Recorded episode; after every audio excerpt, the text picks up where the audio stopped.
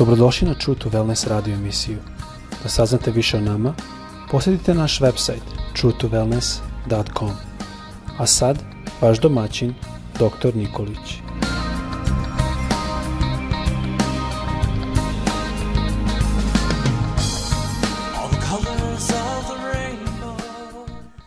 Dragi prijatelji, draga braćo i drage sestre, dobar dan.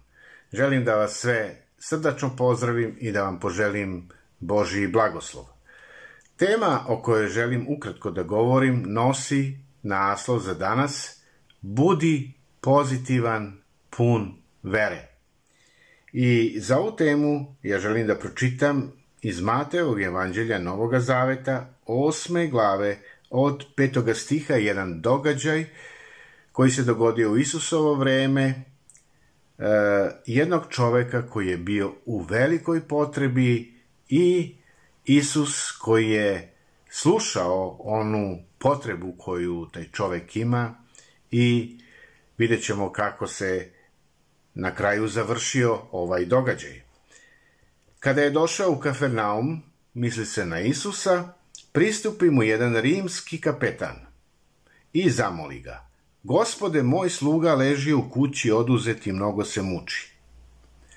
A Isus mu reče, doći ću i izlečit ću ga.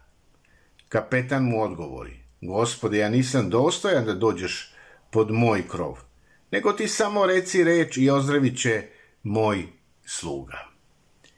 Ja na ime imam vojnike koji su mi počinjeni, pa kad kažem jednome idi tamo, on ode i sluzi kad kažem uradi ovo, on uradi i kada je Isus čuo ovo, zadivi se pa reče onima koji su ga sledili.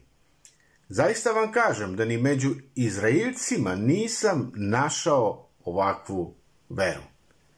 I onda Isus reče kapetanu, 13. stih, idi, neka ti bude kako si verovao tog istog časa je sluga ozdravio. Vidite, zašto sam pročitao ovaj tekst? Zato što ovde možemo da vidimo koliko je vera snažna i koliko su pozitivne misli e, sa verom uspešne. Pozitivne misli, one proizvode jedan pozitivan život i možemo da kažemo da svi oni koji žive u pozitivnim mislima imaju život napretka i uspeha. S druge strane, imamo negativne misli koje proizvode negativan život. Dalje, pozitivne misli, one su uvek, uvek pune vere i nade. I zato je važna ovde vera. Vera jeste tamo gde se događaju dobre stvari – i vera će proizvesti da će biti nade i da će se dogoditi dobre stvari. Negativne misli, one su uvek ispunjene. Sa strahom, sa sumnjom i tako dalje i tako dalje. E sad imamo jedan broj, da kažemo, ljudi, dosta ljudi koji se boje nade Boje se nade zbog svih loših nekih svojih iskustava koji su imali u svom životu. Šta to znači? Puno puta su u životu suočili se sa razočarenjem. I onda ne veruju da mogu još jednom da podnesu bol koja ga prati. I šta se događa? Iz tog razloga oni nekako negde odbijaju da se nadaju, kako se ne bi ponovo razočarali. I Šta ovo proizvodi? Ovo izbegavanje nade je vrsta, da kažemo, jedne samozaštite od povređivanja. Jer razočarenje, složit, će, složit ćete se sa mnom, boli.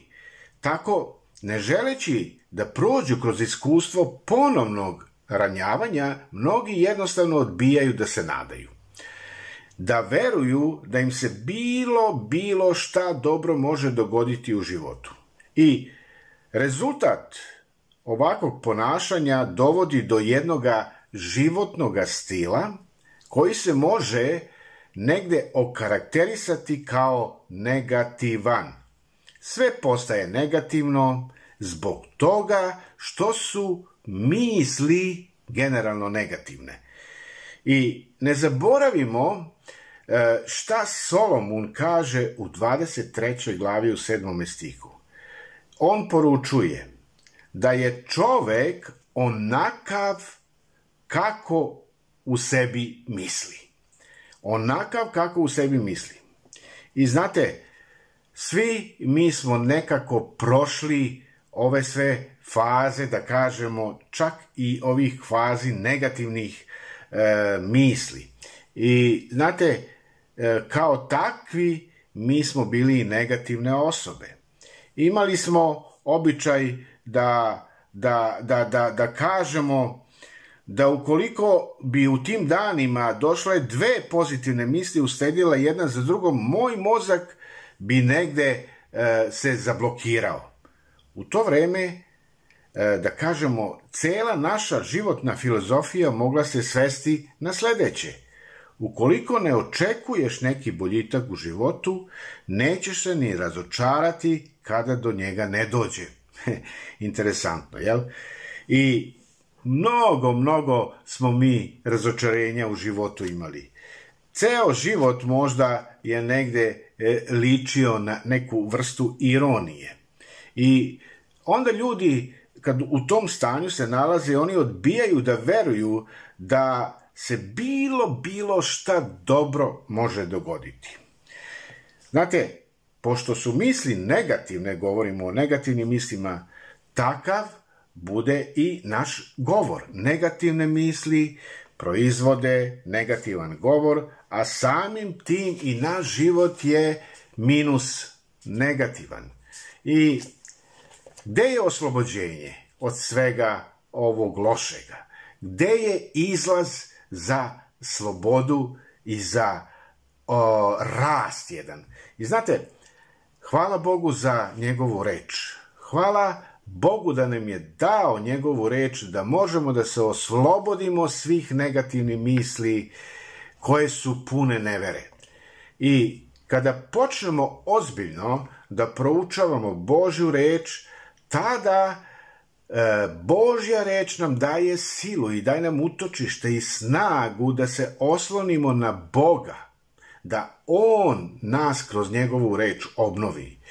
Jedna od prvih stvari koje tada možemo da razumemo jeste da negativnost ili negativizam mora prestati. Zato što gospod i njegova reč živi u nama. U Evanđelju po Mateju u osmoj glavi, u 13. stihu, kao što sam pročitao, Isus poručuje ovome kapetanu kako si verovao, neka ti bude. I, znate, ako sam verovao u loše, ako su moje misli bile loše, onda mi je bilo negativno. Naravno, ako verujemo u dobro i nadamo se dobrom, mi ćemo pobediti negativne stvari i živećemo u pozitivnim stvarima. Znači, naša obaveza jeste da razmišljamo i govorimo u skladu sa onim što Bog planira za nas. Zato nam je ostavio njegovu reč i neka njegova reč, Božja reč, bude nama putokaz, bude nam putokaz dok čitamo, meditiramo, da doživimo tu obnovu u našim mislima, da bi jedan život vere došao u ono što Bog obećaje da će se to i dogoditi. I zato želim da te ohrabrim na kraju ove poruke. Misli pozitivno o svom životu. Vežbaj se u pozitivnom pristupu u pogledu svake situacije u kojoj se nađeš u toku dana i na koju naiđeš. I ukoliko to sa e, čime se trenutno možda sada suočavaš u svom životu nije naročito dobro. Čekaj, čekaj i očekuj da Bog izvuče nešto pozitivno iz toga, kao što je on u ostalom u Svetom pismu i obećao da će učiniti.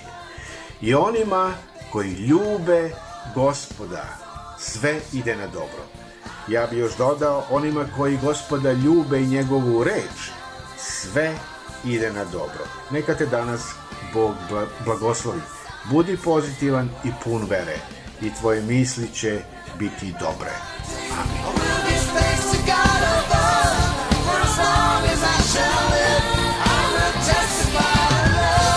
Slušajte True to Wellness radio emisiju.